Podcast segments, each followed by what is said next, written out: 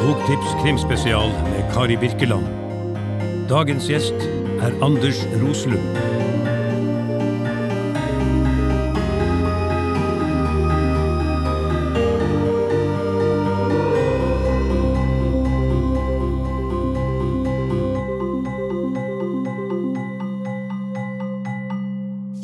Alle sammen, hjertelig velkommen til Krimfestivalen 2021.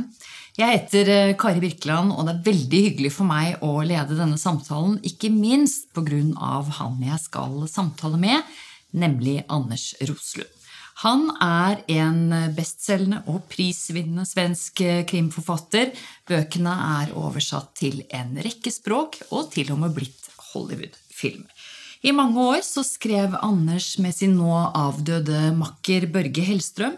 Nå har han gått eh, videre alene. Den siste boken, Tre dager, har fått strålende kritikker. Så det er veldig hyggelig. Hei, Anders, i Stockholm. Hej, jag sitter på Södermalm i Stockholm, mitt i stan och det är fantastiskt väder här idag. Du sitter på din skrivestue, Jag sitter, jag sitter i min skrivarlya och ska jag vara riktigt Ja. ärlig så bor jag i nästa hus.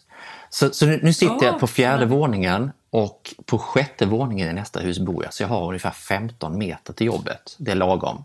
Åh, så deilig. Deilig bare gå ned en trapp, eller opp en trapp.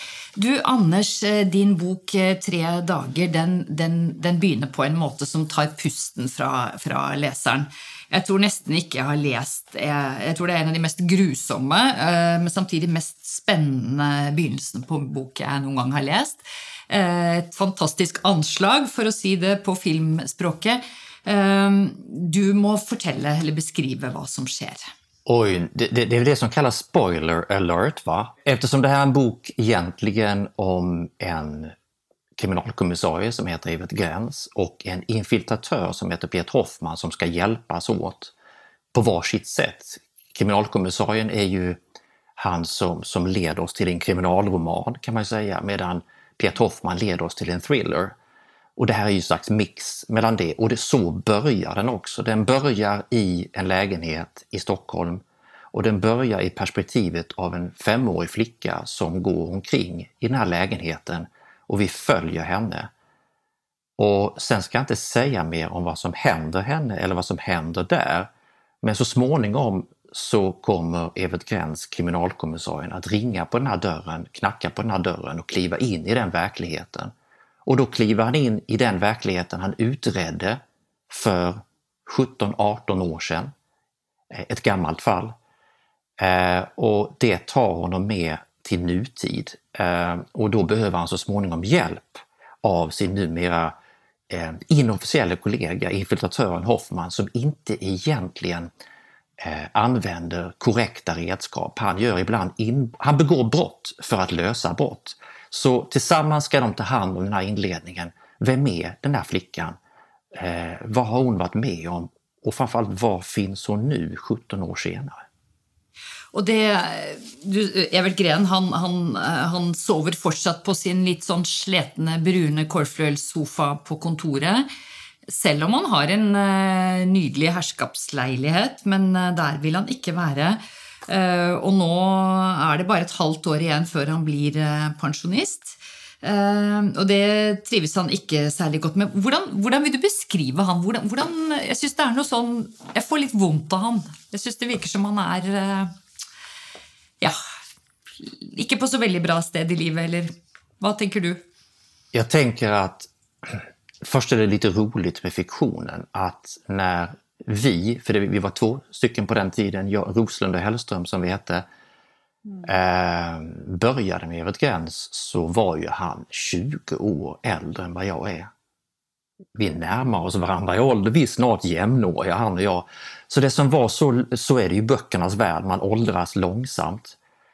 Eh, Men han har ju levt sitt liv som många gör. Han fastnar i det förflutna när någonting var bra och har ingen förmåga att gå vidare. Så den där stora lägenheten som du pratar om, där bodde han ju en gång med sin fru. Hon var ju också polis, men är död sedan flera år nu. Men han vägrar byta liv. Han vägrar byta för att han är fast där och, och, och så länge han är fast där så, så finns både det förflutna och nuet samtidigt. Men precis som du säger, allra gladast, tryggast, skönast är ju han när han får sova i sin gamla, nedsuttna, mjuka, fula manchestersoffa på kontoret. Ja. Där är han. Och för då känner han att han ligger stadigt och tryggt hemma i sängen, nästan som en grav som han faller rakt igenom i, som aldrig tar slut. Men han är också han är på väg någonstans och det tror jag att man känner i den här boken. Han inser att det är sex månader kvar till min pension. Vem fasiken är jag sen? Jag som har ägnat hela mitt liv åt att vara den här kriminalkommissarien som, som är sedd, som är trygg, som är auktoritär, som, som är respekterad. Men vem är jag utanför de här dörrarna och nu tar det kanske slut. Han är som jättemånga andra som inte riktigt har tänkt vad händer sen. Och det kan komma en, en alltså att gå ut i den andra verkligheten när man inte har odlat vänner som han i likhet med många andra har, det är himla svårt.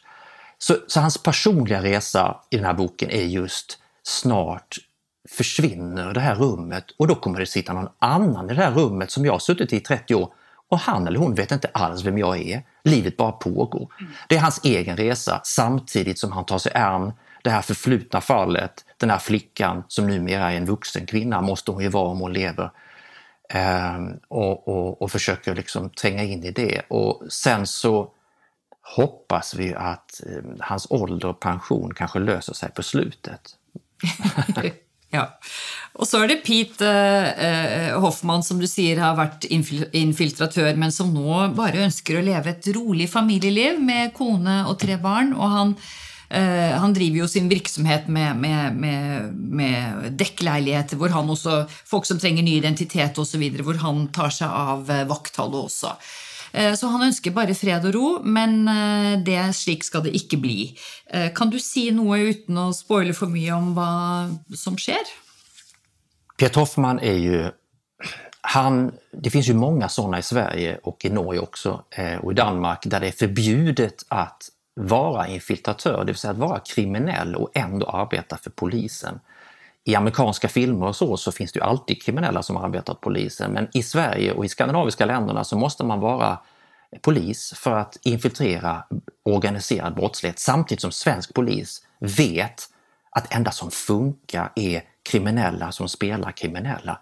Och därför använder många av mina vänner är fortfarande infiltratörer, mina riktiga vänner, som hälften av mina vänner trots allt har levt det här livet eller suttit i fängelse eller förhoppningsvis kommit på bättre tankar och inte är kriminella längre, så kan ju de vittna om att det är så här det funkar trots att de inte finns. Och då hamnar man i massa, det började i tre sekunder den boken, som, eh, ja. där han inser att det inte är helt lätt, för man blir också fredlös. Finns man inte för myndigheterna fast man jobbar åt myndigheterna så kan det gå åt pipan.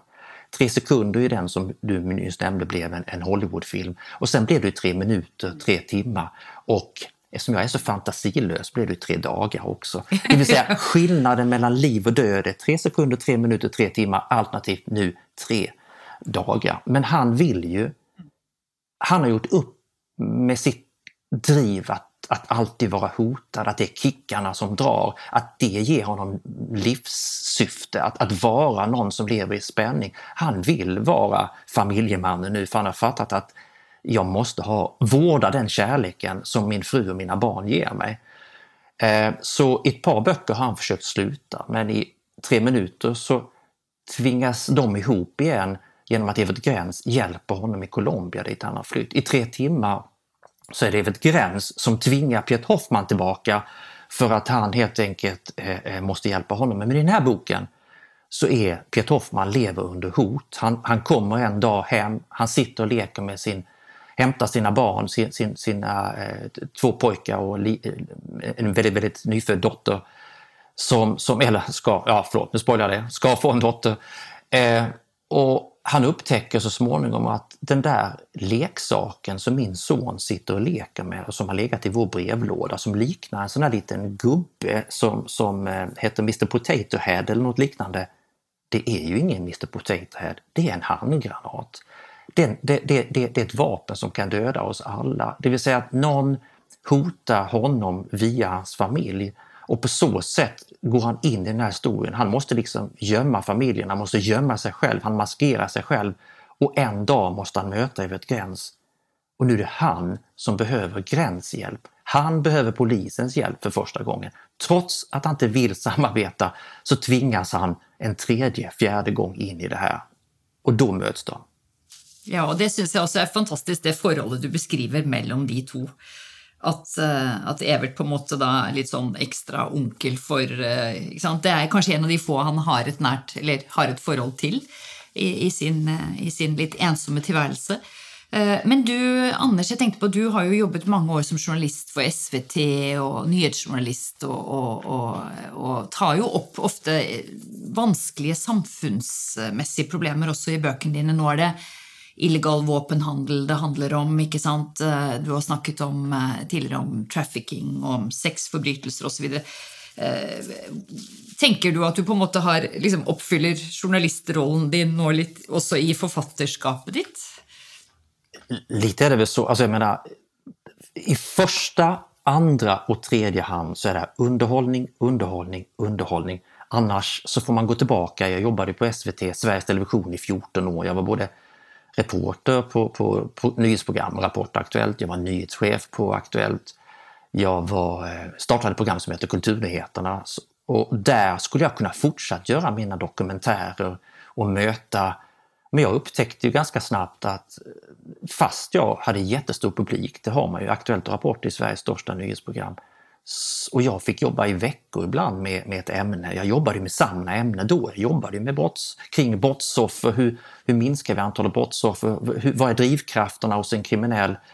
Eh, det vill säga inte om själva brotten, det tyckte jag inte var så, utan konsekvenserna av brotten. Och fast de där reportagen tyckte jag var himla fina och ambitiösa och djupa och, och, och publiken eh, tyckte kanske det i sju minuter, så, så, så strax ja. så försvann de upp i luften eftersom eh, tv är någon slags luft, det bara försvinner och det kommer ett nytt program och ett nytt program. Så jag beslöt där, ska jag beskriva, för jag har endast en barnsben försökt förstå konsekvenserna av våld. Vad fasiken är detta djävulska verktyg som är våld som du använder för att kontrollera andra människor, för att få dem att göra som du vill. Hur fungerar det? Vad gör det med den som utövar våldet och vad gör det med den som blir utsatt för våldet? Och då valde jag att bli övervakare för eh, massor av, av vänner eller andra som jag inte kände. Unga våldsamma män helt enkelt, det vill säga de som sitter inne i fängelserna tog jag hand om från, på utsidan för att hjälpa dem men det gick inte jättebra för, för de flesta våldsamma män upprepar sina brott hela tiden. Jag blev journalist och försökte beskriva det på så, så sätt och när jag kom till den här punkten att jag upptäckte att reportagen eh, händer ju inte heller. Jag studsar in i vardagsrummet och studsar ut igen. Så, så jag älskade kriminalromanen och använde den både för att framförallt berätta mina historier men också ta in det samhälle. Och jag inser ju att jag kommer mycket längre på det sättet att inte komma med en kamera eller med ett block gör ju att folk helt enkelt släpper in det. Att också kunna busa, ljuga, göra om människor är ju fantastiskt. Eh, och att Sen blir ju de här människorna, Evert Gräns och Berit Hoffman och alla de här som återkommer i olika böcker. Fast det är standalones, de står helt på egna ben. Alla böcker ska man kunna läsa bara en, så blir de ju mina kompisar de blir ju mina, jag tycker ibland att jag ser de här ute springa runt och så. du, du ser det för dig? Jag, jag, jag får leka lite du med dem också. Ja. ja. Men det, men det, är intressant det du säger, att, alltså, så som jag uppfattar att du nästan tänker att du påverkar debatten kanske, eller, eller alltså folks eh, uppfattningar av samhället kanske lika mycket då, eller mer med hjälp av dina böcker eh, än som nyhetsjournalist. Ja, till exempel i, i, den här, ja. i den här boken, precis som du säger, så, så är det ett äventyr i första hand, men det är ett, här, här berättar vi om vapenhandeln och vapen, skjutningarna. På något sätt, inte om dem, utan grunden för dem, det vill säga de här vapnen som vi behöver för att skjuta varandra. Och man ska komma ihåg att Sverige, precis som när det gäller pandemin, så är vi ju unika i Skandinavien. Om man slår ihop hela Norge, hela Finland, hela Danmark och Island och ytterligare så har vi fortfarande, och gör det till en enhet, så har vi fem gånger så många skjutningar i alla fall i Sverige. Vi är bara jämförbara med en enda plats i Europa om man tittar per capita och det är alltså eh, runt Sicilien i, i, i, eh, i södra Italien. Och man har också räknat ut att antalet handgranater är bara jämförbart med Mexiko. Det är helt bisarrt detta samhälle som vi alldeles nyss vårdade och tyckte var så himla tryggt och fint. Så därför i den här boken så handlar det lite om vad, vad är det man, eh, hur kommer de här vapnen hit? Eftersom jag känner så mycket folk som använder vapen eller tar hit vapen så har jag också fått ta del av det. Nu kommer det alltid i andra hand, det är ju äventyret som är det första, men det är den mixen är, är för mig eh, ja, allt kan man säga. Det är ju, ja, som du själv säger, det är, eh, Sverige är på en sätt blivit en liten sån øy. Jeg syns du, du, på en måte pinpointer det eh, veldig. Eh, vi må snakke litt om det. Du, du, du, slo jo gjennom, som du selv sa, sammen med din, din eh, tidligere venn og, og, medforfatter eh, Børge Hellstrøm, og dere ble jo, dere ble jo dette forfatterparet. Eh, og så døde han i 2017. Eh, hvordan, hvordan syns du det er nå, altså det å på en måte bringe dette forfatterskapet videre og samtidig være din egen stemme? Hvordan har det vært? Alltså jag sitter ju nu i, i min skrivarlya. Det är den plats som jag älskar mest. Det är den plats jag tillbringar mest tid på och här är jag trygg. Det är en, min gamla lägenhet, min enrummare där jag bodde innan, innan jag träffade min fru. Och och min katt och mina barn. Så, så, eh, eh, men allra mest i den här lyan har ju Börje varit förstås. Eh, vi skrev sju böcker tillsammans. Han, alltså han var ingen, han var, min, han var inte min medförfattare, han var min familjemedlem. Ingen har varit så här mycket hemma hos mig. Han har ätit tusen frukostar, han har sovit över på vårt landställe tusen gånger. Eh, så som människa saknar, tittar jag mig runt här så är det hans, vi är våra ansikten, det är affischer och planscher och böcker. Han finns säkert på 27 ställen här runt omkring och tittar på mig nu. Men, men eh, eh, så, som människa så sa, jag saknar honom nog mer nu än när han dog. För när han dog så var jag helt avstängd. Jag bara, okej, okay, cancer, han dog. Eh, jag var helt fryst. Utan det är först nu på senare år jag egentligen förstod vad som har hänt, hur snabbt det gick och att han försvann. Som författare så är det lite annorlunda. Eh, för att vi var ganska öppna med att det var jag som skrev, att det var jag som gjorde huvuddelen av jobbet, att vi träffades i början. Det var vårt sätt att göra vårt författarskap. Alla har olika sätt, men vårt sätt var att vi träffades några månader, funderade på storyn, gjorde storyn. Sen så gick jag hem och skrev ett år och sen träffades vi igen och så tittade vi på storyn. Det var inget som var bättre eller sämre, men det var så vårt samarbete såg ut. Så att gå ut och bli ensam var inte jättestor skillnad på det måttet att jag gör historien helt själv förstås. Så att det, istället för Roslund och Hellström så måste jag tjafsa med Roslund. Det är Roslund och Roslund. Jag måste övertyga Roslund om att det är en bra historia och jag måste slåss med honom om alla mina idéer. Men, men eh, då var det också skönt att vi hade skapat ett universum. Även om det är standalones så hör de ihop på något sätt. Att kunna använda de eh, karaktärerna och, och, ta dem i handen och, och, fortsätta med dem och veta att Sen så, så, ska, så, var det också så här att vi slutade skriva långt innan Börje blev sjuk. Efter, efter de här sju böckerna så sa vi adjö till varandra, det var inget dramatiskt, det var bara att vi var färdiga. Beatles gjorde sju plattor, vi skrev sju böcker. Eh, så, så, så, att, så, att, jag hade skrivit eh, mina första bok klar innan Börje blev sjuk igen. För han var helt frisk och sen blev han, eh, eh fick han sjukdomen tillbaka och dog väldigt hastigt. Och det var också skönt att, att inte den jävla döden separerade oss och bestämde det här att jag skulle skriva själv, utan det hade vi bestämt själva.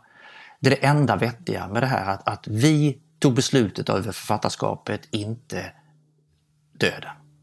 Det är gott. Men eh, jag må också spørre Anders. Altså, det, du har ju upplevt det som, som, som nästan de flesta författare drömmer om, nämligen att uh, ditt verk altså, blir producerat eh, en Hollywood-film. Og da må da må jeg bare spørre deg, liksom, hvordan har det varit? Reiser du ut, har du varit i Hollywood og gått runt och på en måte hatt litt sånn oversikten på settet och sånn, eller sitter du bara i Sverige och håller holder, og det helt undan? Det kan man ju verkligen hantera olika. Jag vet att kollegor, det är ganska många idag som får sina böcker som, som optioner, det vill säga en rättighet, men det är väldigt sällan. I vårt fall så var det första gången på 44 år i Sverige som en bok blev film från att ha varit bok direkt så att säga, inte via vägen via eh, en svensk film. Eh, på någon, en av böckerna har det gjorts eh, tv-serie, på en annan bok har det gjorts tv-film. Men det här var ju som sagt var en, en, en helt annan produktion. Så jag var först i London där man spelade in alla interiörer, det vill säga allt indoor, vilket egentligen var 90 procent. Alla hemmiljöer, alla restauranger, allt, allt som var inomhus där. Sen åkte vi 14 dagar till New York och så spelade man alla exteriörer för att göra det här. För det här är Evert Gräns heter numera Edward Gräns. och han, yes, jobbar in, han jobbar inte på eh, Citypolisen i Stockholm, han jobbar på, på eh, NY, NYPD. Eh, och eh, han, i, i böckerna så är han, han är inte så bra fit form. Han, han, är lite för överviktig, han är långsam, han har ont överallt. I, på filmen så är han snygg, svart, fit. Han, han är liksom en, en, en, av världens största rapartister som gör en jättebra tolkning. Sen skildrar man, vinklar man mer på Hoffman, infiltratören. Man gör eh, eh filmen kring honom och, och, och gränsen andra eh, figur kan man säga. Men att vara både i, i England men framförallt eh, i New York där det här spelades in då, att komma dit när det är 32 grader varmt på morgonen, en sån här New York Manhattan-morgon och, och, gå ner på sättet och se att eh, det här var precis som man såg eh, eh, Frihetsgudinnan fast det var en, en, en, en ö bredvid. Att, att vara där och så kommer man ner så är det 100 personer. Det är brandbilar, det är FBI-jackor, det är militära snipers, det är fyra polisbilar och där står Clive Owen och där står han och där står han. Och att alla var så himla professionella. Alla var så allvarliga, alla gjorde att då veta att i den här lyan där jag sitter nu eh, på 37 kvadrat så är det skrivet och att alla de här personerna har gjort det. Och vi ska också minnas hur svårt det var. I nio år höll de på att göra den här jäkla filmen. För att först var den klar 2015 och då var alla, då var den helt andra skådespelare. Allting var klart, skulle spelas in i Philadelphia. Det hette Phillywood is back, sa de då. Men, men eh, då, eh, när 90 personer sitter och väntar på filminspelningen och jag ska åka dit så säger de nej, nej, vänta lite, någonting har hänt. Och folk sitter och väntar en dag, två dagar, tre dagar, fyra dagar. Det kostar miljoner dollar för alla. Sitter fotografer skådespelare då, då, var det, då var man sen med budgeten i Pennsylvania State och man behöver ett budget-ja för att få tillbaka sin moms och alla de här. Så den filmen lades ner. Då stod det i, i Philadelphia Inquirer, Three seconds som den heter boken, shut down. och att sen, då, att sen då tre år senare få, få se den bli verklighet med ny cast, med nya människor, det var helt fantastiskt. Då blev man en liten pojke faktiskt, i kortbyxor. Det förstår jag. Og jeg kjenner bare nå Når du beskriver liksom New York, og sånn, så tenker jeg sånn, jeg kjenner at jeg får så lyst til å reise igjen. Ja. Eh, det kan vi jo ikke nå. Vi, vi sitter jo stuck, det gjør jo dere i Sverige også. Eh, helt til slutt, eh, Anders, eh, har, du, har, det vært en god tid for deg nå, det, koronatiden, sånn skrivemessig? Eller savner du impulser og litt mer eh, Alltså jag, då, ja. jag, I varje bok så försöker jag åka. Handlar det, om, det handlar ju om Sverige i grunden, men, men om viss del, eh, eh, boken innan den handlar ju om Afrika, ja då är jag ju där på flyktinglägren. I, i, när det var i Colombia, det handlar om droghantering, då var jag i djungeln i Colombia. Eh, I den här boken handlar det mycket om eh, vapen som kommer från Albanien och så vidare. Eh, det har nu på nästa bok varit klart mycket krångligare förstås. Men att vara författare är ju tvåhövdat. Dels är vi himla vana vid det här livet, att sitta så här. Men vad jag upptäckte var ju att jag trodde att jag var jättebra att vara ensam hela dagarna. Men det bygger ju på att alla andra är som de ska vara. Så när jag skulle gå till mitt stamcafé, min lunch, så kunde jag inte göra det längre. Och då blev ensamheten mycket svårare. Men sen var det också så att vi, hade, vi har två pojkar vår ena pojke som en, en ung man utan underliggande sjukdomar fick corona och blev väldigt, väldigt, väldigt sjuk. Och när man har eh, en pojke som först ligger hemma i tio dagar, sen åker ambulans och sen får högsta möjliga andningshjälp jättelänge på sjukhuset, som kommer tillbaka, det tar tre månader innan han ens kan gå upp för trapporna. Liksom. Då tänkte jag, vad fasiken håller jag på med? Sitter jag och gör historier? Sitter jag och skriver böcker? Och så håller de här på att rädda liv. Så då fick jag lite fundering på vad gör vi? Men i en sån här tid, ja vad behöver man? Man behöver ju förstås underhållning också. Så att jag, jag tycker om mitt yrke i alla fall, men för en stund så blev det ganska meningslöst. Ja, Det förstår jag, men vi är väldigt glada för att du skriver historier, Anders. Och vi skulle ju gärna haft det här på Krimfestivalen. Vi hoppas på nästa år. Tusen tack till dig och tusen tack till er som ser på. Eh, och vet at det är jo bara att logga seg in på krimfestivalen.no så kan ni møte 50 författare i samtal som eh, dette. detta. Så det hoppas vi att ni gör. Tusen tack till Anders och tack för mig. Boktips, en podkast fra Cappelen Dam.